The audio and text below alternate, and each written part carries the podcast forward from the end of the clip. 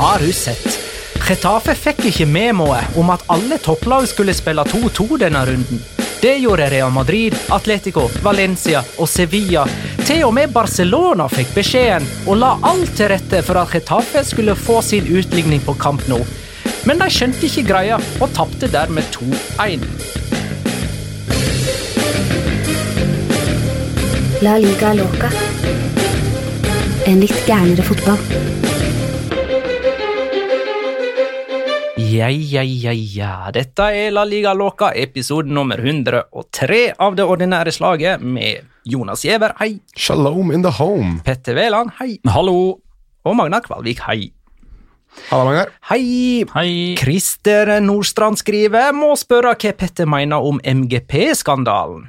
Du kommer jo rett ifra Trondheim Spektrum, eh, Petter. Ja, eh, Det var jeg som uh, hacka hele greiene med Nei, for du- mange emojis. Jeg Ja. ble litt for ivrig. Unnskyld.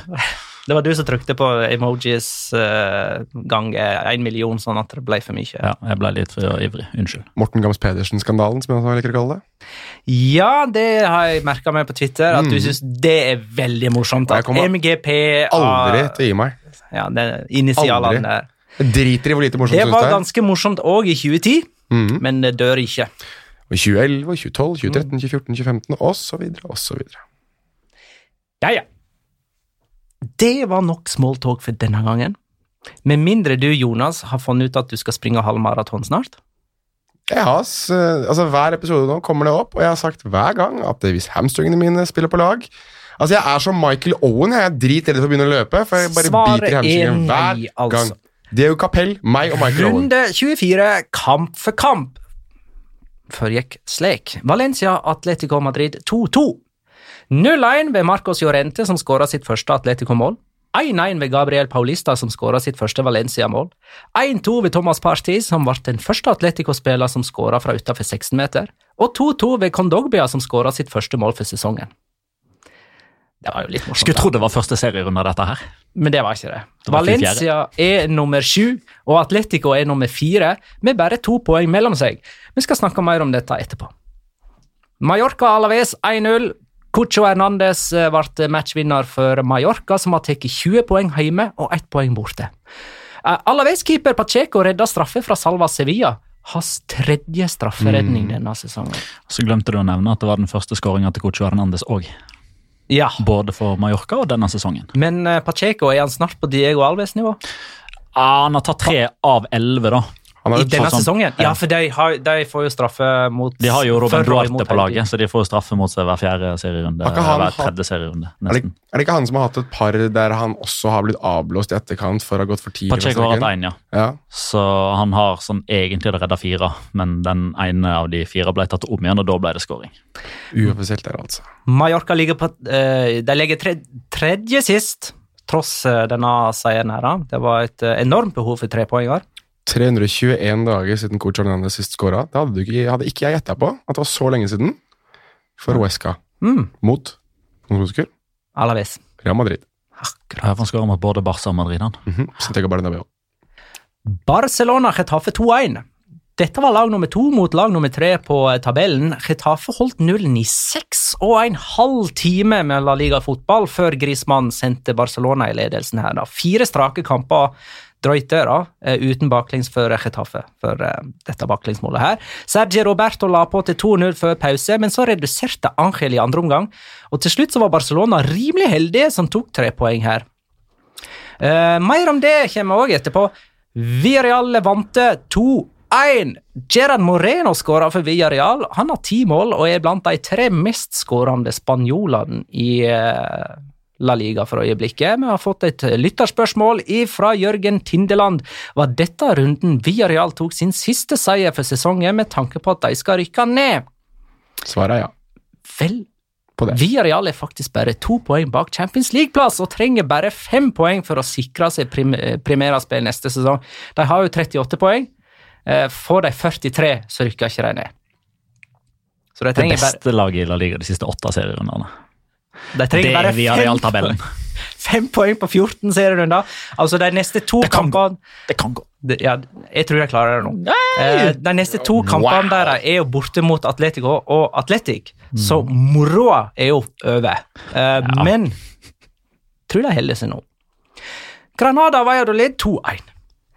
Her leder Valladolid, men i løpet av kampens siste ti minutter snudde Granada oppgjøret. Nyopprykka Granada er på øvre halvdel og ganske nær en Copa del Rey-finale. De tapte 1-0 i den første semifinalen på samme mes, noe som betyr at det er ganske åpent før Atletic kommer til Los Carmenes i starten av mars. Så langt imponerende sesong av eh, Granada. Jeg husker vi satt i en preview-episode før sesongen og var egentlig ganske klare på at Granada ja, Transfervinduet deres som var litt sånn eh, stoppet grunnet noe De hadde vel band grunnet noe økonomisk Ja, akkurat da så var liksom De hadde en sånn embargo. Det var det det var, ja. Og de, satt, de sleip med sine spillere, og var ikke fornyelse i troppen, og en trener som ikke hadde erfaring, og en tropp som rett og slett ikke så ut som den hadde nok kvalitet. Den, den skal jeg høre om igjen etterpå. Ja, det syns jeg du skal. skal vi høre om igjen før vi setter oss på gamle Deichmanske eh, og har sesongoppsummering live framfor vårt publikum den Ja. 25. mai. Alle må høre, opp, høre opp igjen previewen før det. Det må vi. Ja. Ja. For da skal vi slaktes øh, og, Selvslakting på lavt nivå. 25. mai, eh, det er en mandag, Det er det. og det er mandagen etter siste serierunde i La Liga. Da, har vi, da går vi ut av vårt studio og inn eh, i et større lokale og har sesongoppsummering der. Gamle Deichmanske bibliotek der, altså. Ja, eh, og man kan kjøpe billetter til det showet på ticketmaster.no. Bare søk opp La Liga Loca. Jeg tror det er så enkelt. Tror det, ja. Det er så enkelt. Ja. Det er eh, også et event på Facebook man kan søke seg opp på. Vi har linket til det på Twitter, så det er bare å klikke seg inn og trykke 'attending'! Sevilla Español 2-2. Español spilte uten Raúl de Tomàs, som var skada. Dermed så kunne ikke han ta ballen fra de andre angriperne og nekta de skåring denne helgen. Så Voley og Mbarba skåra for Español. Du vet at Mbarba hadde aldri i verden tatt det frisparket.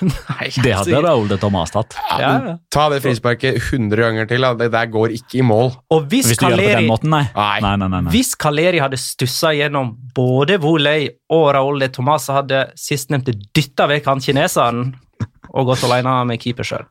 Det er helt riktig. Eh, for Sevilla skåra Ocampos og Soso.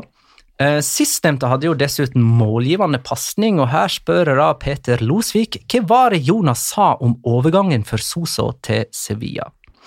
Grunnen til at jeg tar dette, er for at jeg lurer oppriktig på hva var det du sa. Jeg husker ikke hva du sa om Soso sin overgang til Sevilla. Jeg sa vel at det var en spiller som hadde veldig høyt potensial, men som aldri får det ut, og som er en sånn type som spiller en fantastisk god kamp etterfulgt av fire dårlige. Så dette er jo den fantastiske kampen hans. Ok, fire dårlige nå, da, Ja, Fremover. jeg tror det var noe sånn. Jeg regner okay. med at det var noe sånn. Det er det jeg er tenker om det- Ja. Jeg tror ikke jeg tar feil heller. Du er litt heldig ettersom jeg har glemt hva du sa. Åssen går den der Alvaro Morata-greiene? Mens vi er inne på ting jeg sier. Eh, nå har ikke vi kommet dit ennå. Dvs. Det si, vi har gjort ferdig Atletico-praten i kamp for kampsekvensen. Mm. Så Men er det vi programleder. er altså på Sevilla Español. Mm. Español har hatt jumboplass de siste ni serierundene og møter Wolves på Molinjø på torsdag. Grunnen til at jeg spør, er fordi at både Español og Sevilla er klubber som Alvaro Morata heller burde spille for enn Atletico Madrid. Ok. Sevilla er nummer seks i La Liga og møter Cluj borte på uh, torsdag. Også en klubb der Alvar Marata burde spille. Cluj, altså. Petter? Den kampen her eh, fikk fram det verste i eh, spanske fotballjournalister. Es Sevilla Español. Sevilla Español. Med folk med capslock og som skriker med utestemme om ting de ikke kan noe som helst. Folk som meg tenker du på? Nei, Nei, jeg tenkte litt på meg selv. Så nevnte spanske fotballjournalister. Hvis du har mer å si om dette, skal du si det fort? Ja. Denne var situasjonen Ja! der mm. uh, hele uh, twitteratet av spanske fotballjournalister halshogde var fordi man ikke fulgte protokollen. Mm. Jo, det gjorde de. La oss bare gjøre det klinkende klart. Hvis uh, videodommer anbefaler sjekk for et mulig rødt kort, så én kan dommer gi gult hvis han mener at det ikke er rødt, og to, da kan han òg blåse frispark selv om han lot situasjonen passere. Ferdig. Ja, ok, men det er interessant. Ja. Mm -hmm. VAR-protokollen den er det faktisk fortsatt mye tvil om. Det er fordi folk ikke leser den. Ja, og for at det er ulik praktisering i serien. Det er sant. Ja, Premier League følger jo ikke protokollen. Nemlig. Ja. Eh, Men det var- kan ikke La Liga lastes for. Nei, det kan vel egentlig ikke protokollen lastes for heller. Nei, det er utelukkende uh... La, eh, det er utelukkende. Premier League sitt problem, ja. Leganes Betis 0-0. Uh, noe som betyr at disse to Sevilla-klubbene, Betis og Sevilla, nå har én seier hver på de siste fem serierundene. De har møtt veggen. Borja Iglesias fikk rødt kort på slutten her, det vil si at Betis har sju røde kort denne sesongen. Det er i alle fall ei liste de topper. Tror jeg siste, siste, siste kampen til Martin Braithwaite, muligens, for uh, Leganes. der. Det kan vi komme tilbake til. Mhm. Eibar Real Sociedad ble utsatt. Den skulle spilles klokka fire eh, søndag, men så tok et båsdeponi utenfor Eibar fyr og spredte giftige gasser rundt om i hele eh, distriktet. Ja. Veit vi når denne kampen skal spilles nå? Uh, nei, ikke med mindre det har blitt klargjort uh, den siste timen. De har egentlig fått en um, frist til tirsdag å bli enige om en dato. Uh, men så vidt jeg kan se nå klokken 18.56, så er det ikke klart. Nei. Akkurat nå er det mandag. Det er litt spesielt for meg som, eh, som plutselig fikk ei frihelg. For jeg skulle jo kommentere Valencia Atletico, som nå skulle gå på lørdag, som ble flytta til fredag. Og så skulle jeg kommentere Eibar Real Sociedad, som ble avlyst. Plutselig så eh, har jeg frihelg og kan erfare hvordan det er. Det er Jeg hadde litt samme. Jeg, jeg hadde jobbhelg, så jeg satt på desken og skulle skrive om uh, denne kampen, og da var det plutselig et sånt lite brekk der hvor jeg ikke hadde så altfor mye å gjøre. Det var veldig rart. Um, hvis Real Sociedad vinner det som nå er en hengekamp, så, så eh, vil de være nummer fire. Uh, fordi at verken Atletico, Valencia eller Sevilla vant denne runden her. Eh, Real Sociedad for øvrig slo Mirandez i første Copa del Rey-kamp. Ehm, 2-1. Mm. Noe som betyr at de får det ganske tøft borte Ja, det gjør det. mot uh, sekundalaget, ettersom uh, Mirandes da fikk eh, dette bortemålet. Jeg tror de går til finale nå. Ja, altså, drømmer ikke vi litt om en baskisfinale? Er ikke Jo. det drømmefinalen vår? Det er ikke noe å legge skjul på Så- Jo, jo. Og der er det Det er tett. Eh, Det er, det er ikke De har tatt det første stikket, Ja. men det er ikke så veldig mye lenge. Nei, det er liksom par i to. Men det er verdt å påpeke her at uh, i Copa del Rey så er det vel bortemål som gjelder. Ja. Så Ja, ja. det er et fantastisk viktig mål for Mirandes. Det. Helt klart. Atletic Osasona 0-1. Eh, Atletic har nå tre strake tap og ni seriekamper på rad uten seier. De er La Ligas dårligste lag for øyeblikket. Da er det bra at Villarreal snart kommer på besøk. Dette var Osasona sin første seier på nye Samames. Oyer ble matchvinner for Osasona, som nå er A-poeng med Atletic midt på tabellen. Eh, Og som nevnt, altså, Atletic slo Granada i midtveka eh, 1-0 i den første semifinalen. de Nest eh, mest kjente baskeren, som heter Oyer. Etter Fano. Kan jeg få bare nevne i forbindelse med Atletic at nå begynner de å skåre ekstremt sterkt på kule navn. Nå har de Unai Vencedor, altså Den er kul. Unai vinneren, og Asier Via Libre, altså Asier den frie vei. Det er ganske fantastisk. Hva var det Vencedor betydde, sa du? Vinneren. Oi. Typ seiersherre. Liksom. Seiersherre. Onay Vencedor, Mm. ja. Ah. Ja, ja. Nei, det er kult. Han er spennende, han. Men, uh, Men han må hadde- lære seg å ikke ta frispark før dommeren har gitt tillatelse, for da får man gult kort. Det er riktig. Eh, siste kamp denne runden var Real Madrid Celta Vigo 2-2. Fjodor Smolov sendte Celta Vigo i ledelsen. For en mann! Hæ? På Bernabeu! Der har dere det! Real Madrid snudde med skåringa av Ramos på straffe og deretter Tony Cross, før innbytter Dennis Suárez spilte gjennom innbytter Santimina, som utligna til 2-2 for Celta Vigo. Kan jeg få komme en lyd bare til den, den pasningen? Jeg vet ikke, vi snakker kanskje med den etterpå. Jeg bare legger lyden. Det er alt jeg vil si. Serieleder Real Madrid har dermed avgitt poeng hjemme mot tre lag på nedre halvdel av tabellen. Celta Vigo ligger fjerde sist. Da kan vi bønne å ta ting litt eh, Hva vi kaller det? Nærmere i Øye. Ja. eh, vi begynner med det som var toppkampen, da. Eh, Barcelona-Chetafe, lag nummer to mot lag nummer tre, og det så vel faktisk ut som den toppkampen det var òg. Ja, Det var jevnt. Ja, ja, ja. Det var det. Det var to lag som gjøv løs på hverandre. Det var Jeg jo- syns egentlig dette her er den tredje utrolig gode spillemessige kampen på for Retafe. Som bare befester Jeg vet at det ble tap på null poeng og avstanden ble større, og sånn, men den kampen her, for meg, nytt bevis på at de er der ikke by chance. Altså, Det er så imponerende, det de holder på med.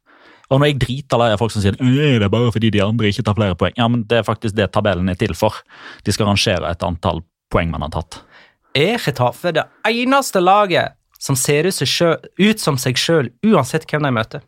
Ja, det synes jeg. Definitivt.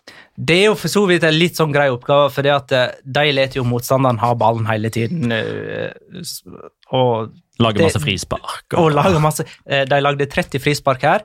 Det er flest av alle lag i topp fem-serier denne sesongen. Og Kikki Setien var fly forbanna etter kampen, selvfølgelig. Slik De hilste jo ikke på hverandre engang, de, før kampen, for det er jo en beef der som går uh, et stykke tilbake i tid. Beef, beef, hater Setien og, eh, og Boddalas. Ja, Ja, ja. Der er det munnhugger i mange sesonger. Det, altså de, de, det er jo ytterpunktene i fotballverden med tanke på spillestil. Ja, ok, så det blir jo gjerne litt sånn der eh, stikk mot hverandre på pressekonferanser og sånt. da. Ja, og radiointervjuer og sånn. Ja. Altså, det var jo Bordalas sa vel i et intervju med uh, Hvem er det som har sånn grønn mikrofon? Onda det er Onda Cero, El Argero. Um, om at han uh, rett og slett uh, følte seg sveket av en trenerkollega som hadde gått så tøft ut mot hans måte å spille fotball på. Han ble så sti- eh, liksom, Har du noen gang følt på at du har blitt såra? Og da satt han der og var nesten liksom gråtkvalm. Bare, Ja. Eh, og så hilste de jo ikke på hverandre. Det Nei. gjør jo alle trenere. Ja, hverken i før eller etter ligaer, kampen. Før eller etter kampen. Yes. Alle gjør det før, ikke alle gjør det etter. Ja, da er det litt sånn, eh, jo, men da liksom overtro og så videre. Altså, Simone løper jo inn i Ja, ja, ja. uansett. Eh, men, eh, og da fikk han jo spørsmål om det etterpå. at Hvorfor hilste du ikke på Kikiset igjen? Men nei, det, vi var gjester. Da er det hjemmelagets trener som skal bort og hilse på oss. Han kom ikke. De to hater hverandre. Dette her er La Ligas hatoppgjør hva angår to trenere. Altså det, er, altså det her stammer tilbake fra da i hvert fall da Kikki Setien trente Logo, vel. Mm. Eh, jeg husker ikke hvor da var hen da. Han var nede i divisjon Alcorcon eller et eller annet sånt. jeg. Altså, dette her er sånn, De har gått divisjoner og hata hverandre. Ja, ja. De, altså, disse to hater Men det har jo Bordaland og sett igjen liksom til felles òg. De har slått seg opp fra de lavere divisjoner Mm. og nå er liksom nummer to og tre i La Liga. Ja. På vidt forskjellig framgangsmåte. Eh, Getafe taper jo bare de absolutt vanskeligste kampene de spiller. Eh, de har seks tap. Det er mot Atletico borte. Det er to oppgjør mot eh, Barcelona. Én mot eh, Real Madrid. Sevilla og, Og Villarreal. Ja, det er vel først og fremst en Villarreal-kamp som er snuble på bananskaller. Noen, no, en og annen gang så må man jo det. Eh, Ja da. Eh, Men det er, de har på en måte blitt det mest forutsigbare laget, tenker jeg, i, i La Liga. Blir, man overraska om ikke de slår Sevilla til helge? Altså, De er store favoritter i mine øyne. Ja, Men det, er, men, det er men det er det som er litt gøy med Getafe, for du vet hva de skal gjøre mest sannsynlig, hva kampplanen er, men det er jo et helvete å stoppe dem fra å gjøre det. Ja, ja. Jeg synes det er fascinerende, ja. mens vi er inne på Bordalas og Setien, da, bare for å avslutte de to. Det er litt sånn First Price-utgaven av Mourinho mot Guardiola. Ja. Altså de to, de, de to liker ikke hverandre, det er én ting, Ja. og de er motpoler i ren og skjær spillestil. Det er ganske fantastisk. Vi snakket jo nylig om dette med at vi la fra oss den gamle æraen der Guardiola og Mourinho definerte så mye. Og selv om de kanskje ikke definerer det, så viderefører jo de litt i hvert fall i La Liga det at de er såpass motpoler da, og gjør det såpass bra. Mm. Og denne uka her, Vi skal snakke mer om det etterpå, regner med, men jeg må bare si det mens vi er inne på, eh, på Retafe. Denne uka her, Dortmund PSG, Mhm. Atletico Liverpool, Leipzig Tottenham og eh, Real Madrid mot, eh, City. Nei, det er om uh, ei uke igjen. Ja. Eh, og den siste Champions League-kampen, som er Atalanta mot Valencia, kan bare gå og legge seg. Retafe Ajax. Det er det shit denne uka her, altså. Eh, Sist gang Valencia møtte Ajax, vant de 1-0. Sist gang Getafe møtte Valencia, vant de 3-0. Så 4-0 til Getafe da, mot Ajax. Ajax. Jeg ser ingen annen utvei.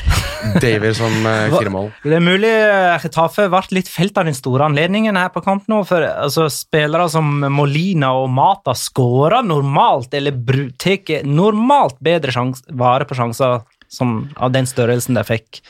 Mens Ankel på sin side var liksom den kliniske Han, Han var jo på audition. alltid, alltid den kliniske avslutteren som han er. Skal vi, skal vi ta det? Kan jeg, kan jeg ta en ting bare. først? Vel, altså bare sånn, Mens vi er inne på dette med, med avgjørelser og litt sånn. Alan Nyon sin scoring Det er greit at det var Egentlig korrigerer riktig her, men, men jeg tenker jo litt at et lag som Getafe får litt høye skuldre etter en sånn avgjørelse, at det nå, går, nå begynner ting å gå imot oss på en fantastisk stor bane. Det er jo en slags barriere å bryte det og ta ledelsen på kamp nå, tror jeg, da, og når du blir frarøvet det på den måten de blir, som er såpass typisk til deres spillestil. Altså, det er jo det er en hard duell der som til syvende og sist blir utslagsgivende. Så tror jeg de De falt litt nedpå etter det, syns jeg. Ja. Så, Ja, de, de hadde altså det første ballen i målet Mm. uh, i denne kampen, men det ble annullert på omtrent samme vis som uh, det, det som skjedde. de Jong. med- Det var Luke de, Ja, ja, ja. Luke de Jong som skåra på Santiago Bernabeu, men det var nå en annen som Godei. Godelj var det som obstruerte eh, Casemiro. Militao, tror jeg. Nei, Militao, riktig. riktig. Jo, men uh, Petter var jo inne på dette med eh, Barcelonas nye nummer ni, som uh, Angel uh, er blant de som har blitt nevnt i forbindelse med. Det har blitt klart i dag, mandag eh, 17. februar, at Barcelona har tillatelse til å kjøpe en ny spiller fordi at Dembélé er ute i fem pluss måneder. Mm. Uh, det vil si at Barcelona skal ha en ny spiss. da Suárez er òg langtidsskada. Eh, og mange eh, spillere har blitt eh, nevnt, og eh, vi kan jo for. Skal jeg si noe? Mange spillere har blitt nevnt. Det er mange som har blitt nevnt. Ja, jeg sa det. Vi kan jo eksempel ta Barca Cruyffista sitt spørsmål. Tanke om Martin Brethwaite til Barcelona? Fortell gjerne litt om spilleren, og hvordan Barcelona kan få mest mulig ut av han. Kan jeg bare først ta en sånn veldig kjapp ting? Det er angående Braithwaite og den eh, linken til Barcelona. Altså, eh, Martin Braithwaite har nå vært i La Liga i halvannen sesong. Han spilte for eh, Leganes forrige sesong òg, på lån fra Borough. Ble henta permanent nå i sommer. Eh, og jeg var inne og sjekka i, eh, eh, i arkivet til eh, Moto Deportivo, som jo er de som først og fremst skriver om denne Braithwaite Barcelona-linken.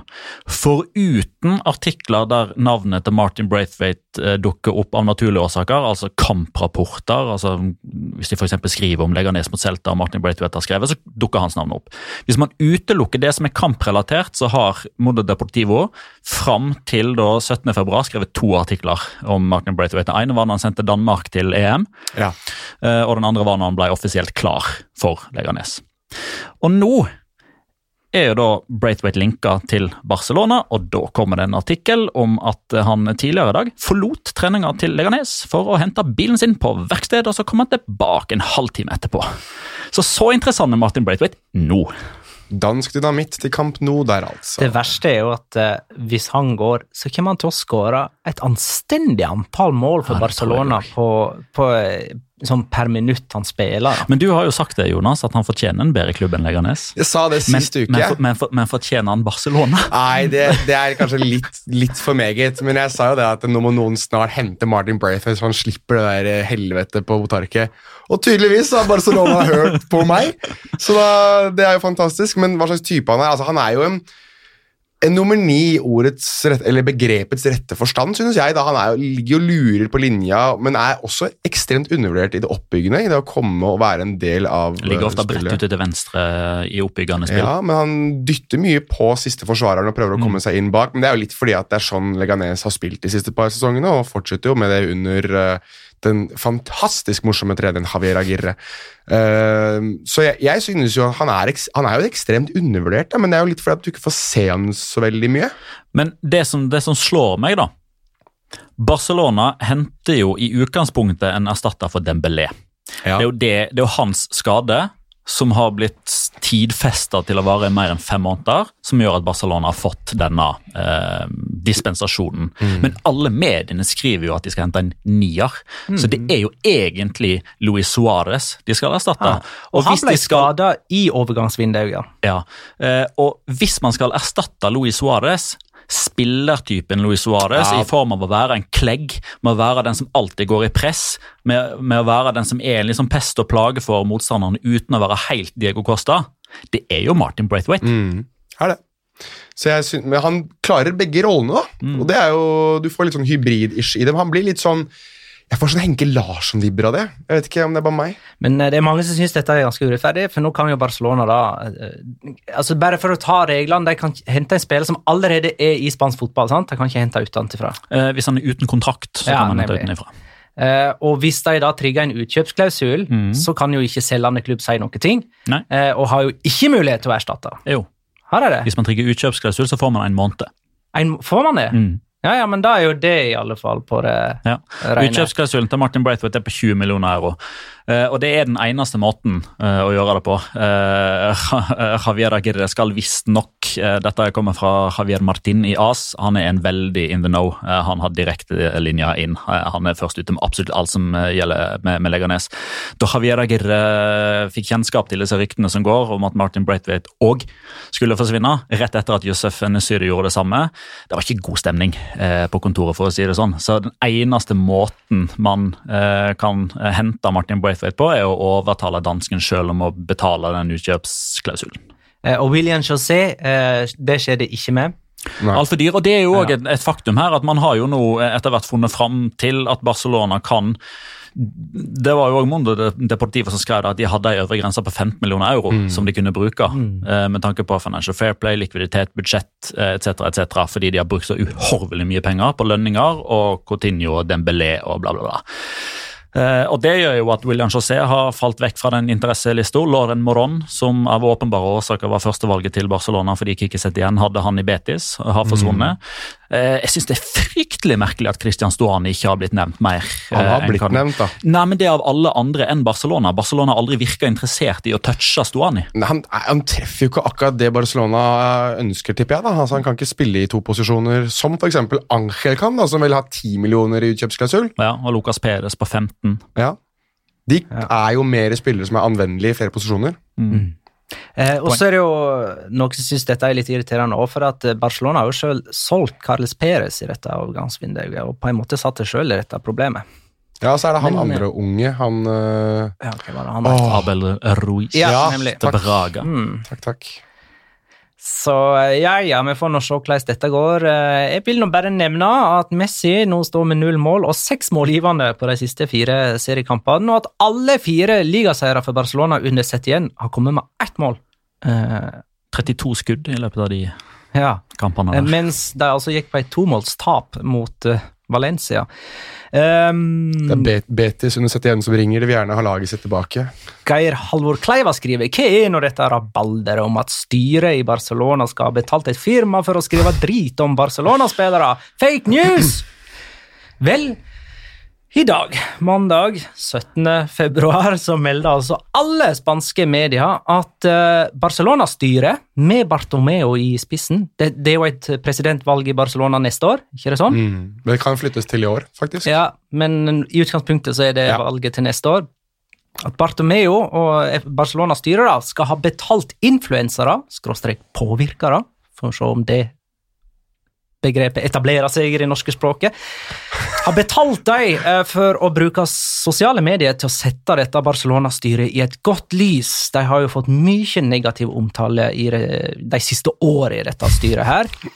Og i den anledning så har disse influenserne i flere meldinger diskreditert meningsmotstandere, som for eksempel motkandidaten Victor, eh, Victor Font, men òg tidligere og aktive spillere som Xavi, Piol, Messi, Piquet og Guardiola. Jeg har sjøl sett én melding i alle fall som går på hun Antonella, Ja. kona til Messi, og setter hun i et litt sånn herre ja, skal jeg overdrive litt, da, så er hun litt sånn her crazy, eh, streng bitch-ass mor overfor sine unger. Bitch ass! Og da sitter jo alle bare og venter på at Messi skal poste sin neste Instagram-melding. Eh, for hvis det er én mann i Barcelona som har reell makt, så er det jo Messi. Men folk Så- spekulerte altså med en gang dette her kom ut, før eh, både Barcelona og dette firmaet, som visstnok da skal ha blitt fakturert eh, eller har fått betalt ut fakturaer osv., de har jo eh, begge, eh, alle, Alle nekter. nekta for dette her kategorisk og trua om søksmål for mm, kilden osv. Men med en gang dette her kom ut, det var jo på mange måter konklusjonen med en gang. Ja, ah, Messi visste. Messi visste. Det var Mm. derfor han gikk ut første gangen. Messi vet. Mot Abidal. Ja. Men husk også at uh, dette her kommer jo også dagen etter at Barcelona sin Twitter-konto på alle språk ble hacka. Ja, det er så mye styr der nå med Barcelona. Ja, Julika kommer sjelden alene, altså. Ja, Jeg veit ikke om vi skal orke å gå gjennom alt det som på en måte har satt dagens Barcelona-styre i et ganske dårlig lys. Kan, altså, det er nettopp alle disse tingene, fra og med da de solgte og altså, rett og slett ikke klarte å holde på Neymar og overtale om, han om, om å bli og heller reise til Paris Saint-Germain. Fra og med da så har det på en måte kommet så mye som kan diskreditere hele Barcelona-styret, noe som gjør det ganske plausibelt at de betaler noe nå for å sette det i et godt lys. Men hvorvidt eh, det har medført negativ omtale av spillere og sånt, det er jo vanskelig for oss å si. Alt dette er benekta av Barcelona sjøl. Er det nå vi rett og slett bare skal begynne å kalle istedenfor det Mes Keon Klubb, så er det Mess Keon Klubb? Det er jo bare ikke det- mess og faenskap. Ja, eller Meme Keon Klubb. Meme Keon Klubb. Ja. Ja, ja. Nei, Men jeg vil bare si at det der Our Mind-greiene disse, De som har hacka Barcelona, de la jo ut ganske mye morsomt. da, og En av de meldingene jeg bare leser, ut er Hi, we are Our Mind. Well, we read some private messages, and it looks like Neymar will be back here. Twitret de fra Barcelonas egen konto. vi går videre. For, uh, forhandlingene mellom PSG og Barcelona skjer jo som kjent over DM på Twitter. Slide into your DMs. Vi går videre. Du syns det var litt morsomt, egentlig? Valencia, Valencia Atletico Madrid spilte altså 2-2 fredagen. Eh, en intens generalprøve f- mot hverandre da, før de skal i aksjon eh, denne veka mot eh, ja, Valencia mot Atalanta. Gode sparringspartnere. Ja, var veldig det. Atletico mot Liverpool. da. Høy intensitet. Ingen la seg bakpå, lot motstanderen styre denne kampen her. Eh, sikkert gunstig for begge lag at eh, kampen ble flytta til fredag. Eh, Egentlig rart at den ikke var lagt til fredag i utgangspunktet. Ja, jo, men det var fordi at Valencia røk ut av Copa del Rey i kvartfinalen, og dermed ikke skulle spille semifinale, at de kunne til slutt flytte kampen Mm. til fredag. Sant. Ehm, jo, en fun fact her. Jeg syns sikkert ikke Valencia-fans er særlig fun, men de har ikke sleget Atletico siden 2014, under Nono Espirito Santo. Og Jeg kommer fram til at Valencia har hatt ti trenere på permanent basis i gåsehauget i den perioden Atletico har hatt Simione. Men så, og, men så kommer jo Voro-perioden inn Ja, der òg. Han har jo vært midlertidig trener åtte ganger. Og så er jo spørsmålet da, om dette her liksom er startgropa for Valencia med Celades, og så mm, nesten på slutten. Svaret er nei når det gjelder Celades. Ok. Ja, nei, den gir jeg meg ikke på, altså. Det der blir ikke noe sånn langvarig solskinnshistorie. Ikke faen. Chris Robin Eriksen skriver Hvor kriminelt snakka vi når eh, Ferran Torres gikk av banen til fulltid uten målpoeng? Ja, det er eh, ganske vanvittig, faktisk. Det er vel en av de villere kampene jeg har sett av en fotballspiller som egentlig til syvende og sist ikke har noe å vise til eh, for det han gjorde. For, altså Saul uh, Ja, Saul ble flytta ned som venstre Better call. Saul, eh, eller ikke. Ja, Saul ble altså flytta ned som venstre back eh, i løpet av andre omgangen der, og uh, Ferran Torres, som da var høyre kant for uh, Valencia, herja helt vilt med han. Uh, og både Maxi Gomez og uh, Gameiro. Gameiro burde ha tatt vare på sjanser Mm, servert av, spesielt uh, Gomez, syns jeg. av Ferran Torres. Eh, Vetter spør jeg hvor god kan Ferran Torres bli? Hvem er den største etter deres mening? Uh, hva er det største talentet i La Liga etter deres mening? Uh, og apropos prate om Ferran Torres, da. Ja. Er Ferran Torres nummer én. Ja, jeg jeg rangerte han på toppen i fjor høst, jeg, så jeg kan liksom bare sette meg tilbake igjen. Altså. Men, jeg, men jeg, diskuterte han litt med noen venner av meg om uh, altså, hvem han minner litt om. Og det vi har sett mye av når det kommer til spanske kantspillere eller ytterangripere, er jo litt det at de skal innover i banen. altså Typer som Oyarzabal, da, som er mer spillende. Han er den første på lang lang tid hvor jeg virkelig tenker at dette er en type individualist, kantspiller, som får ting til å skje litt sånn helt alene. Uh, litt i, i Joaquin jeg skulle akkurat si det. Ligner litt sånn ung krysning av Joaquin Reyes. Ja, ikke sant? Det er, det er ikke så ofte du ser det lenger i spansk fotball, fordi man har bestemt seg for å utvikle spillere som er mer tilpasset det man kaller tiki taka-generasjonen. Så, så han er kanskje en slags throwback tilbake til noe som var mer typisk på slutten av 90-tallet, starten av 2000-tallet, og det synes jeg er latterlig spennende. Og det er latterlig spennende når han holder på sånn som han gjør nå, for han spiller jo uten en bekymring i livet. Og det, jeg, jeg tenker også at Gonzalo Geders må jo titte over på andre sida og tenke at det der var meg for to år siden! Ja. Altså, hva Ja, det er helt riktig. Og apropos det å spille uten bekymring. Det er jo, eh, altså, det at han spiller uten bekymring og spiller så bra, gjør jo at alle Valencia-spillerne nå sitter og er fulle av bekymring. Eller alle Valencia-supporterne er fulle av bekymring. Ja. Fordi han har en utkjøpsklausul på 100 millioner euro. Jeg sier ikke at det er det han er verdt akkurat nå, men han kan definitivt bli det i løpet av en ganske kort periode. Mm. Han har kontrakt som går ut i 2021. Mm. Og Valencia har, sier de sjøl, i lang tid forsøkt å forlenge denne kontrakten, men Ferran Torres vil ikke, mens Valencia-fansen begynner å lure på ja, men vil Valencia egentlig dette. For hvis de vil forlenge med Ferran Torres, hvis Ferran Torres har lyst til å bli blant de best betalte i klubben, ja, men så sleng fram flesket og gi den mannen en ny kontrakt. Mm. Men det har ikke skjedd ennå. Valencia møter Atalanta på onsdag i første åttedelsfinale. Det er på San Siro i Milano. Mm. Atalanta er nummer fire i Serie A og slo jo Roma nå i helga. Skårer flest mål på bortebane, og desidert flest mål av alle. Ja, altså, jeg så de hadde tatt ti poeng på de siste tolv mulige i Serie A, inkludert da en 7-0-seier borte mot Torino. Kom igjen. Det er, ikke, det er jo ikke lov å vinne så mye i Serie A. Og hva er motgiften vet, Valencia kommer med?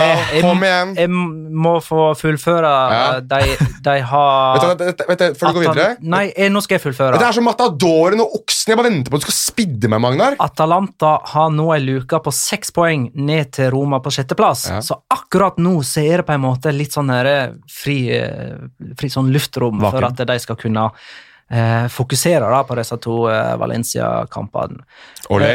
Og, og du vil eh, fram til midtstoppere, som vi jo har snakka om langt og lenge og mye og mangt. Eh, Gabriel Paulista er ute med Ja, karantene, karantene, og Garay er skada. Så Ja. det blir Diakabi og Mangala. Men dette her har vært eh, for Jonas sin del, og dette har vært tannlegetimen som har ligget langt fram i tid. Men nå er den her. Ja. Han står og banker på døra og skal inn og bore. Men- det er rotfylling uten bedøvelse. Ja, og, og, og noen uker seinere så kommer regningen på 15 000 kroner.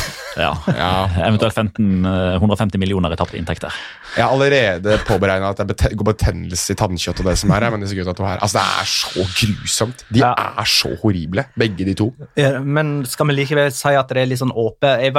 Vi får ikke Jonas til å balansere eh, denne Nei, diskusjonen men, her. men, men mens jeg sier det her nå, så, så klarer de helt sikkert å holde nullen om at Atalanta bare Det fordi hadde vært typisk Valencia. Det hadde vært så typisk. Ikke sant? Ja, det, det var litt sånn Den seieren i Amsterdam kom jo litt ut av det blå, mm. og sendte Ja. faktisk Ajax ut av Champions League. Ja, og Valencia ble gru- gruppevinner istedenfor å ryke ut. liksom. Og, og det Og at- Valencia går fra å tape 4-1 mot Mallorca til å slå Barcelona 2-0. Så spørsmålet er jo hva slags, eh, De skårer begge to, vet du. De skårer begge to på dødballer.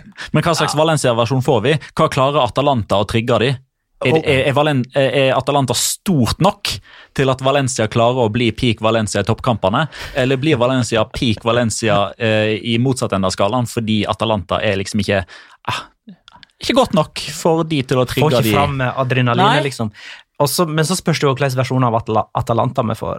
Den versjonen som tapte de tre første gruppespillskampene.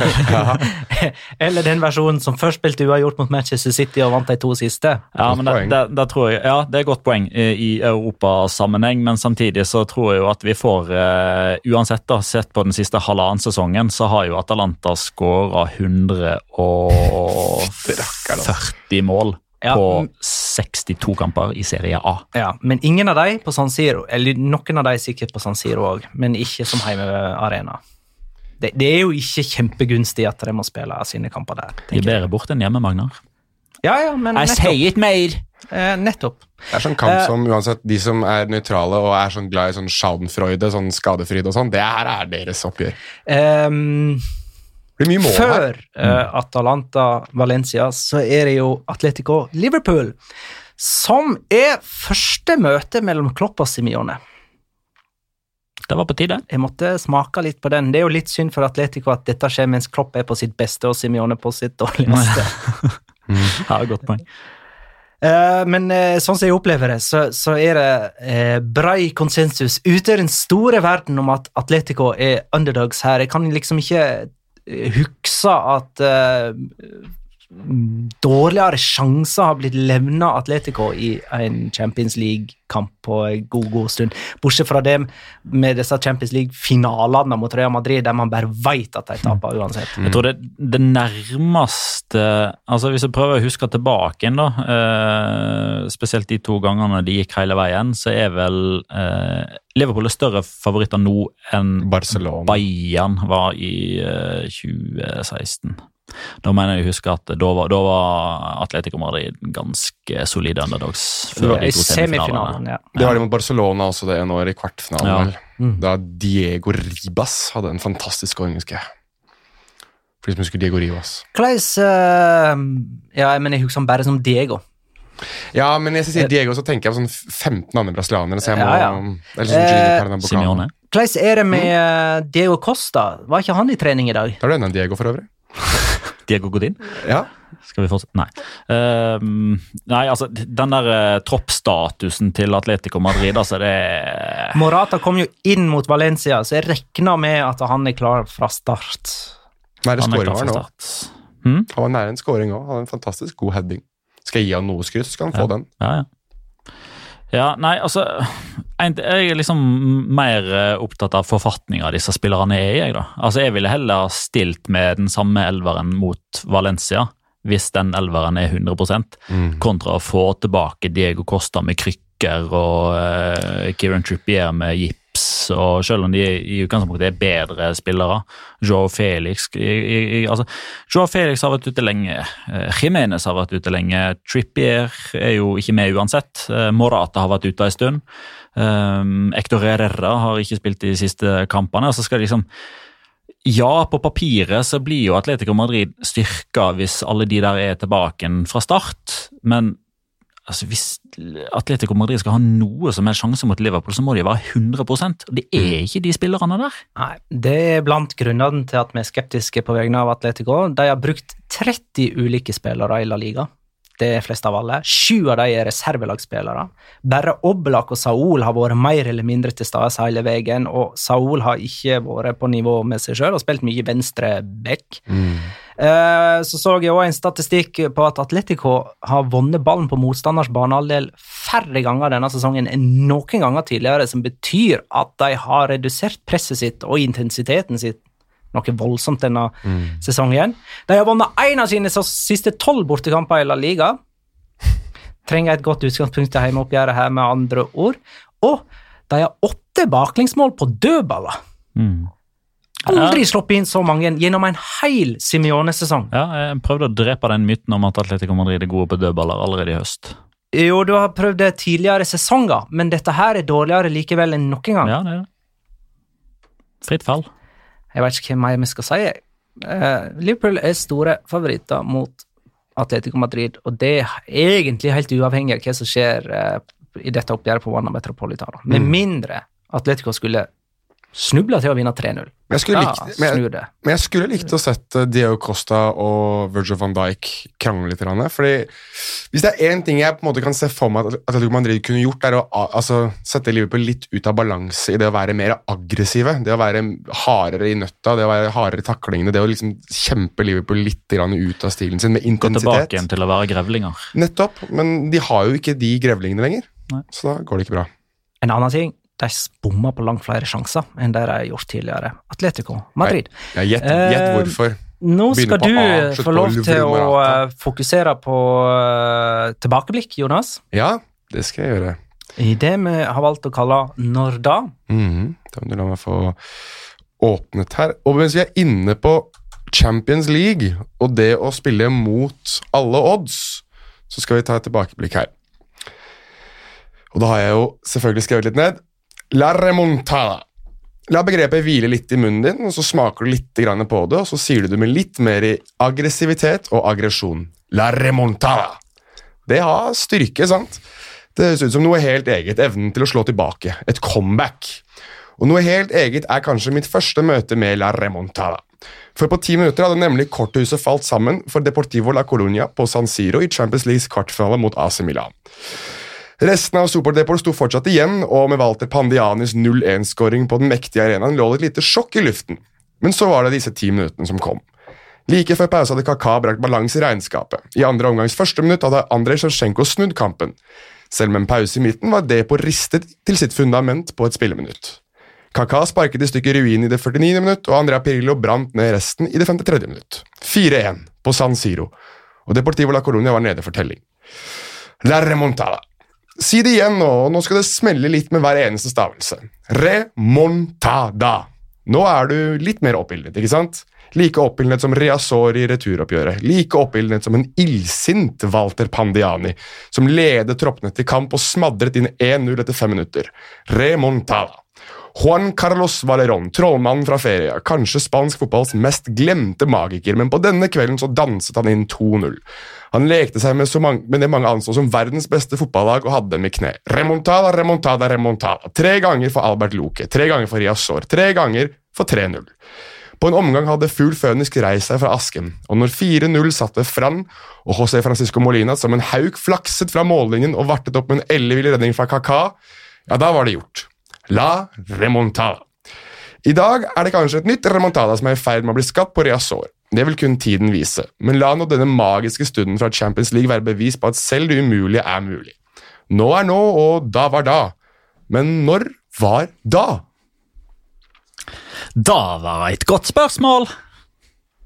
Eh, jeg tidlig 2000-tallet, iallfall. Å ja. Det, ja. Jeg, dette var den sesongen jeg var helt sikker på at Deportivo faktisk skulle vinne Champions League. De slo ut Milan i eh, kvartfinalen og tapte mot Porto i semifinalen Ja. Under José Mourinho. 2004, da. Ja. Svaret avgitt? Kort og greit. da. April 2004 er riktig. Jeg tror kanskje jeg hadde gått på en liten smell, for jeg var, jeg var sikker på at de røk ut eh, mot Leeds eh, runden etter, men det var kanskje et par år før det. da. Ja, Leeds, det mot Leeds. Leeds uh, røk- var i 2001, vel, for de tapte mot Valencia i semifinalen. Ja. Nei, men det er bra. Da tok vi den. Da tok vi den. Um, Digresjon for øvrig. For- for- digresjon? Kja, veldig kjapt. Eh. Skal ikke si noe mer, men uh, hvis VAR hadde eksistert i 2003-2004-sesongen, så tror jeg ikke José Mourinho hadde blitt José Mourinho. Det kan jeg ta i en annen podkast. Det er mange som ikke hadde blitt noe som helst ut, med eller uten var den tiden. Altså, han der. Maradona han er ikke blitt Hvem? Eh, Men eh, da, da eh, For å prøve å, å, å la dette gli elegant over, så la oss holde oss til Galicia på et vis. Hey. Hey, hey. Eh, selv om eh, den galisiske klubben det nå skal handle om, tok en tur til Madrid denne helga her, da. Celta Vigo spilte 2-2 eh, borte mot eh, Real Madrid, eh, og Celta Vigo de ligger altså i nedrykksstrid. Det gjør de. Eh, dette er ikke tull. De ligger fjerde sist, men var dette likevel et godt eksempel på hva det egentlig Celta Vigo er? Ja. Er det, det, God mot de gode, det var det dårlig mot de dårlige. Ikke sant? Det, det er på grunn av sånne kamper vi aldri på en måte tenker oss at Celta Vigo skal rykke ned.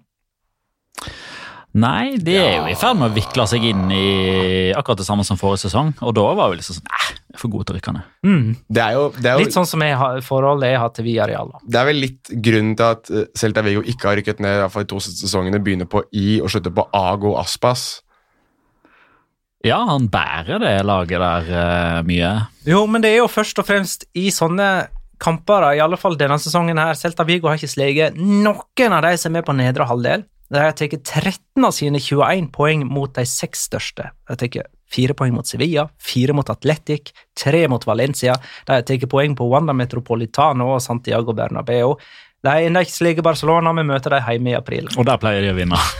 Sånn er hermetegn. De må jo rett og slett bare hoppe at Mallorca begynner å tape hjemmekamper, og også alle bortekampene sine òg. Så har de i hvert fall ett lag bak seg. Og så tipper jeg Spanjol hopper opp, og Leganes hvis de mister, uh, mister Braithwaite, så um, ja. Jo. Ja. Men det var i alle fall sånn altså Her tok jo Celta Vigo ledelsen ganske tidlig med små lov. Mm. Og så snudde Real Madrid, men da satt jeg faktisk fortsatt med følelsen av at her kan Celta Vigo komme tilbake. De er gode nok til det. Eh, mens normalt, hvis et eh, lag på fjerde siste plass hadde vært i den situasjonen, så hadde jeg tenkt at denne kampen er ferdig. Hvis du ser det laget som Celta Vigo har, altså spiller for spiller, så det er det deilige den klisjeen med at de er for gode til å rykke ned. Og det, hvis du ser det laget deres, så er de for gode til å rykke ned spiller for spiller. Men det er, jeg veit ikke hva det er, jeg, med, om det er noe i vinden i Vigo eller om det er et eller annet sånt. At det er, eh, de bare får det ikke til å fungere. For det er jo ikke noe nytt fenomen, det, uansett hvem de har som trener. Eh, enten det er Antonio Mohammed eller eh, han Hva heter han for noe, han treneren som var der i fem, fem dager, holdt jeg på å si. Han skalla portugiseren. Miguel. Cardoso. Miguel Cardoso. Altså det, uansett hvem det er de har, så, så går det jo åt skogen. Altså det er nesten så du kunne ha ansatt Pochettino, det ikke hadde fungert. Eh, Dette er jo for øvrig et resultat som betyr at det nå bare er ett poeng mellom Real Madrid og Barcelona på tabelltoppen, og det er mindre enn to uker til neste El Clásico. Um, ser jo ut som Real Madrid har slutta å holde på nullen. Nå har de sju baklengs på sine siste tre offisielle kamper, inkludert av fire mot Real Sociedad i Copa del Rey. Eh, kan vi si noe om Eden Hazards eh, retur her? Kan nesten kalle det comeback. Syns den var ganske positiv jeg, til å ha vært ute eh, så lenge. Som en januarforsterkning. Ja, ja Marka og Asa har jo betegna det som det. Litt overraska over at han starta. For det alle sånne forhåndssnakkiser var jo om at ja, han skal få 20-30 minutter hvis resultatet tilsier at det kan være greit, og så skal han liksom målet at han skal starte mot City. Og så plutselig så er han bare ja, ja, spiller fra start, og så spiller vi 70 minutter. Mens eh, Cristobal Soria var mer interessert i å synge om at han var glad i pommes frites og hamburgere. Ja. Nyhiten, det. Mm. Ganske fengende også, egentlig. Tre straffesparker han fant provosert nå denne sesongen. Sammen som Nabil Feki. Eh, ikke Kristobal Soria, men Eden Hazard. Eden Hazard, ja. Ja. Mm, det var han som skaffa straffe. Stemmer det. Smart. Eh, Arve Grøsvik spør er det noen som kan forklare hva Zidane ønska med gårsdagens laguttak. Eh, og her, apropos det, så er det jo ganske mange spørsmål eh, vi har fått rundt eh, laguttaket her. da. Eh, jeg kan ta Martin Hellerud. Hva er logikken bak å starte Marcelo mot Celta, når Mendy kunne ha starta, fått gullkort, og så kunne Marcelo ha spilt eh, mot Levante, Levante, og Mendy hvila der og vært klar igjen til Ja, Det er City, egentlig det Barcelona. eneste spørsmålet jeg sitter med. Var det så veldig mange flere? Ja, at Kenneth- Kanskje at Asaad var med fra start? Eh, Kenneth spør eh, hvorfor spiller eh, Benzema ute som venstrekant når Asaad er ute på venstrekant. De løper, springer jo på hverandre. Da kan de i det minste ha Jovic framfor mål, siden han liker å spille spiss. Men det har jo ikke noe med laguttak å gjøre. Eh, og så spør jeg Ja. hvorfor spiller egentlig Gareth Bale? Nei, han hadde jo lyst til å ha karantene før El Clásico, han òg, så han prøvde å få direkte rødt. Har kanskje ikke forstått dette Ja. Tarjeta Forsada-konseptet. Nei, tydeligvis ikke. Jeg syns dere er ganske slemme begge to. Jeg. For Dere stiller spørsmål om laget, men dere spør ikke hvordan skadesituasjonen til Zinedine Zidane er etter å ha blitt kvesta av eh, Aido. ute på Ja, hvordan går det med han? Tror det går bra. det virket sånn etterpå, i hvert fall. Han smilte av det. Men det var en artig situasjon, da. Ja, Fikk jo, fikk jo støvelen til Aido i trynet, av alle ting. ja han sto liksom og Ja, ja, ja. måtte sjekke etter blod, sånn som alle andre i fotballens verden gjør. Men dere lurte ikke så mye på dette med laguttaket, da. Nei, ikke annet enn det at mm, altså, det Mendy-greiene, at, at ikke han starter bare tar det gule kortet og så spiller Marcelo mot eh, Levante, det hadde liksom vært Eventuelt så er det det at man tenker at man ikke vil ha en skala til Champions League-oppgjøret, Ja. som er om en uke. Og så, bare tenker jeg at uh, i viktige kamper så må Bale holdes unna. Sorry, ass, men det, det han leverer, heller ikke, spør du meg. Men, Det, sånn er det. men med tanke på hvor mye han koster, med tanke på hvem han er, med tanke på det han har vist av toppnivå, er det en sånn greie at han har litt sånn carte blanche i det at det plutselig så eksploderer det? Ja, Fordi- det kan hende. Jeg vet ikke. Eh, ellers, eh, en Real Madrid-legende stiller som kandidat til å bli Spanias fotballpresident. Ja. Eh, Iker Casillas skal opp mot eh, Luis Rubiales eh, ved neste presidentvalg der. Eh, hvis Iker Casillas vinner det valget, kan han kansellere avtalen med Saudi-Arabia? Ja, Ja, kan vel det. Men gled Da er det det. det gled dere til at eh, fotballsupportere, i hvert fall spesielt i Spania, kommer til å mynte alle valg og alle meninger Iker Casillas kommer til å ha fordi han er uh, Real Madrid-legende. det som er problemet. Det kommer til å bli så slitsomt. Og hver gang- 99% av det skytset der kommer fra nordøst. Og hver gang han gjør eh, noe som er, går imot Real Madrid, så er det fordi at, oh ja, men det er fordi at han måtte gå ut bakdøra på Santiago Bernabeu, så nå skal han bare sparke fra seg. Han skal kompensere, han skal ikke gjøre det så åpenbart at han er pro Madrid. vet du. Ah, den kommer også. Ja. Ja, Ja, blir digg. Gleder du deg, Magnar, til Iker Casillas blir fotballpresident i blir Spania? det. blir artig det. La han bli det først. La oss eh, kåre rundspiller, da, Petter. Nå er jeg, jeg er veldig spent på om du har gjort klart noen rundspillerkåring i dag. Jeg har gjort leksene mine, Da- men jeg har ikke fått øvd. Nei, ok, det blir spennende. Dette blir spennende. Ja, Men du får ta det på sparket her, Ja, ja, ja, ja. med musikk, Ja, regner jeg med. med musikk. Ja, ja, ja. Da fikser jeg det. Ja, ja, ja. Alle fotballspillere starter en gang på samme plass, uansett om navnet er Messi, Azad eller Daniel Wass. Når karrieren er over, er derimot historiene annerledes, uansett om navnet er Chimo Navarro eller Gonzalo Gedes. Tilfeldighetenes spill, viljestyrke, kvalitet og talent. Kanskje fikk man sjansen i første omgang bare fordi pappaen var kjent. Omveier og snarveier. Det finnes mange veier til rom. Og denne ukens Rundens spiller har hatt sin andel av vei type bom. Naturens gang er jo at alle kan ikke bli best, men heldigvis er fotball et lagspill der kollektivet betyr mest. Og I dette tilfellet finner vi en spiller av fargen grå som har stått i stormen, og som endelig får lov til å skinne nå. Og er det én mann som har gått i fotballens blindgate, så er det han som i 2012 sterkt vurderte å fotballen forlate. Poliegido, Granada B, Almeria B og Almeria A høres mer ut som fargetyper enn fotballens curriculum vitae. Uansett hvor langt ned på rangstigen han falt, skulle ingenting stoppe han fra å ta sjansen da det virkelig gjaldt. Endelig skulle det løsne, sånn utover høstparten i 2018, da han sitt første mål for Granada skåra det ble festa hele natta. Rett som det er har han skåra på nivå 1, 2, 3, 4 og 5. En rekord sjøl Lionel Messi og Cristiano Ronaldo kan glemme. Ta så drit i at de to andre aldri har spilt på nivå 5, 4, 3 og 2, for dette er en hyllest til godeste Antonio. Antonio Puertas. Kjenn på det navnet uten den siste S-en. La deg rive litt med og ta på deg pendressen. Skål! Ta en sipp eller ni for Granadas nummer ti, som på lørdag ble matchvinner mot selveste Valladolid. Nå er de på vei mot en eh, fantastisk uh, Ja, der var det en feil, ja. Da kan jeg ta den siste på nytt etterpå. Hei, Antonio Portas! Goal!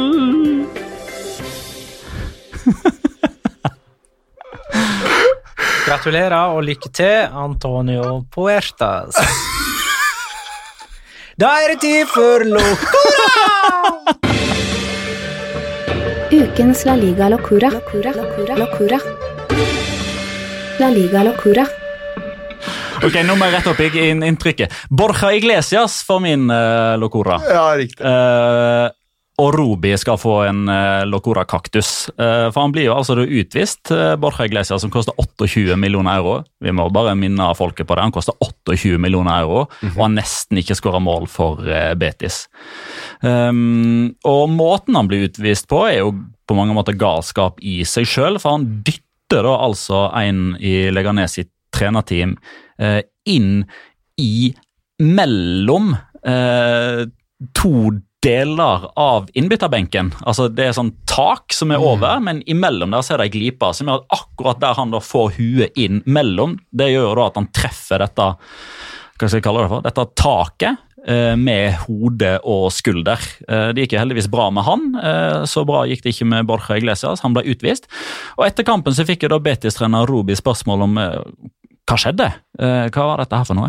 Men nei, Han hadde snakka med Borja Iglesias etter kampen, og han, han skulle bare sette i gang spillet, han. Eh, så det var liksom ikke noe galt som hadde blitt gjort der, men eh, han beit seg jo merke i da at de hadde jo for vane nå, da, disse dommerne, å la Betis fullføre kampen med ti mann, selv om dette her var helt på tampen. Så god bedring. Mm. Eh, da kan jeg eh, ta. Eh, Den er kanskje litt navlebeskuende, men som blir av og til. For en tid tilbake så kåra jo jeg Ivan Cuellar til rundens eh, spiller her i La Liga Loca, da han holdt nullen mot Atletico Madrid. Og fikk to gule kort i den samme kampen. Og da er kåra han så mener det ikke var offisielt at han hadde fått to kampers eh, karantene. Ja, Da var det bare den ene. Ja, for Ved to gule kort er det vanlig at du får bare én kamp eh, karantene. Men så kom offentliggjøringen om at han hadde fått to kampers karantene, og de har han jo nå sona. Eh, Men så har han blitt skada, og det var derfor han ikke kunne spille mot eh, Betis. da.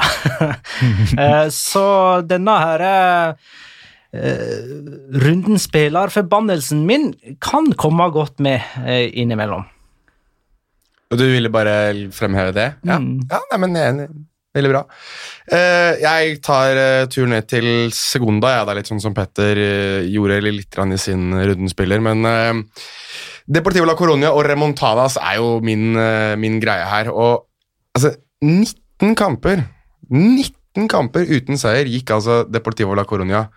Og nå har de ikke tapt på de siste åtte, og de var fly forbanna eh, over at de fikk straffe i dem mot seg takket, takket være, sier hermetegn, var, som gjør at uh, Christian Stuani skåret sitt andre mål og ødela for at ikke de vant sin åttende kamp på rad. Ja, De leder 2-0, og Girona kom tilbake til 2-2. Det er ganske vanvittig om de skal nå eh, bare fortsette. Hvis de klarer å gå 19 kamper uten å tape, da Da spiller de La Liga neste sesong, sannsynligvis. Og de er, ikke, altså, de er jo ikke sånn superlangt ifra nå heller. Altså, det er 22 lag i Segunda. De ligger på 16.-plass. Over dem ligger da Malaga. Nettopp, som også skal rykke ned. Så dette her er eh, For de som er glad i litt sånn tradisjonelle La Liga-lag, eller i hvert fall lag som man forbinder med La Liga, så har det vært en eh, god tid nå. Deportivo er seks poeng fra playoff nå. De tok innpå faktisk et nytt poeng med denne uavgjorten. Mhm. Det er litt gøy. Over dem så ligger Sporting Gijon, Las Palmas, Rayo Vallecano. Rekker vi et halvminutt om Goti? Kjapt. Han er Almeria-trener. Ja. Ja, han har vært ute og festa, visstnok. ja, det er visstnok. Eh, for på en presse, pressekonferansen i forkant av den kampen her nå, så sa jo faktisk Goti det at hvis noen kan vise han et bilde av seg sjøl på et diskotek i Almeria, så skulle han si opp jobben på dagen og betale tilbake alle pengene Almeria hadde betalt han eh, til nå. Så det er en ganske relativt kategorisk benektelse på at uh, Goti ikke har vært ute og uts, uts, uts, uts, uts. Så Ja, og hvem kan vel ikke bare manipulere et bilde og få det til å se sånn ut? Jeg, jeg, vil, ikke, jeg, vil, ikke jeg vil ikke ha sagt det han sa. Oi. han har kanskje vi skal ta, kanskje, kanskje det skal være må, vårt uh, Ja. ja. Lekser til neste uke. Få Goti sparka. Vi skal tippe. Det skal vi. Forrige kamp var Valencia Atletico, som endte 2-2 med Marcos Llorente som første målskårer. Det hadde Den hadde du. ja. Den hadde ingen i verden hatt. Nei. Uh, Petter hadde 2-0 til Valencia med Maxi Gomez. Det er null poeng. Du har 23. Jeg hadde 1-1 med Parejo. Det gir ett poeng. Jeg har 22. Jonas hadde 3-0 til Valencia med Rodrigo Moreno som første målskårer. Det gir null poeng. Du står på 18. Du, Og du har to runder på rad nå der uh, målskåreren din har begynt på benken. ja, Eller ikke har vært med. alle tre hadde vel Joaquin i Ja, fra det, og så var Rodrigo ute med skade nå. Uh, den neste kampen vi har bestemt oss for, er Real Sociedad. det, jo, det taler jo din sak. Det er ikke rart du ikke får poeng når du er så uheldig. Re, no, uh, Real Sociedad Valencia lørdag klokka 18.30. Så Valencia igjen, altså. Petter, du eh, er først. 2-1 Isak. Så det er heimeseier, sant? Altså i Real Sociedad. Mm. Ja. Det har jeg òg. 2-1. Oyar Sabal. Jonas har Isak, skjønner jeg på reaksjonen. Ja, det, var, det er i hvert fall riktig. Eh, 3-1. ja, jeg må jo gå for noe sånt, ja, da. 3-1. Jeg må jo prøve å komme noe annerledes. Den er god! Da runder vi av. Det gjør vi. Faen, da! Jeg... Ja. Tusen takk for alle innspill og spørsmål. Tusen takk for at du lytta, kjære lytter. Kan jeg si en ting på slutten? Nei, Husk å gå inn på eventet som skal avholdes på det gamle bibli- bibliot- bib- bib- bib- biblioteket. Det som vi tok tidligere i sendingen. Ja, men vi tar det på slutten nå, slik at man hører det her òg. Tusen takk for at du lytta, kjære lytter. Ha det, da.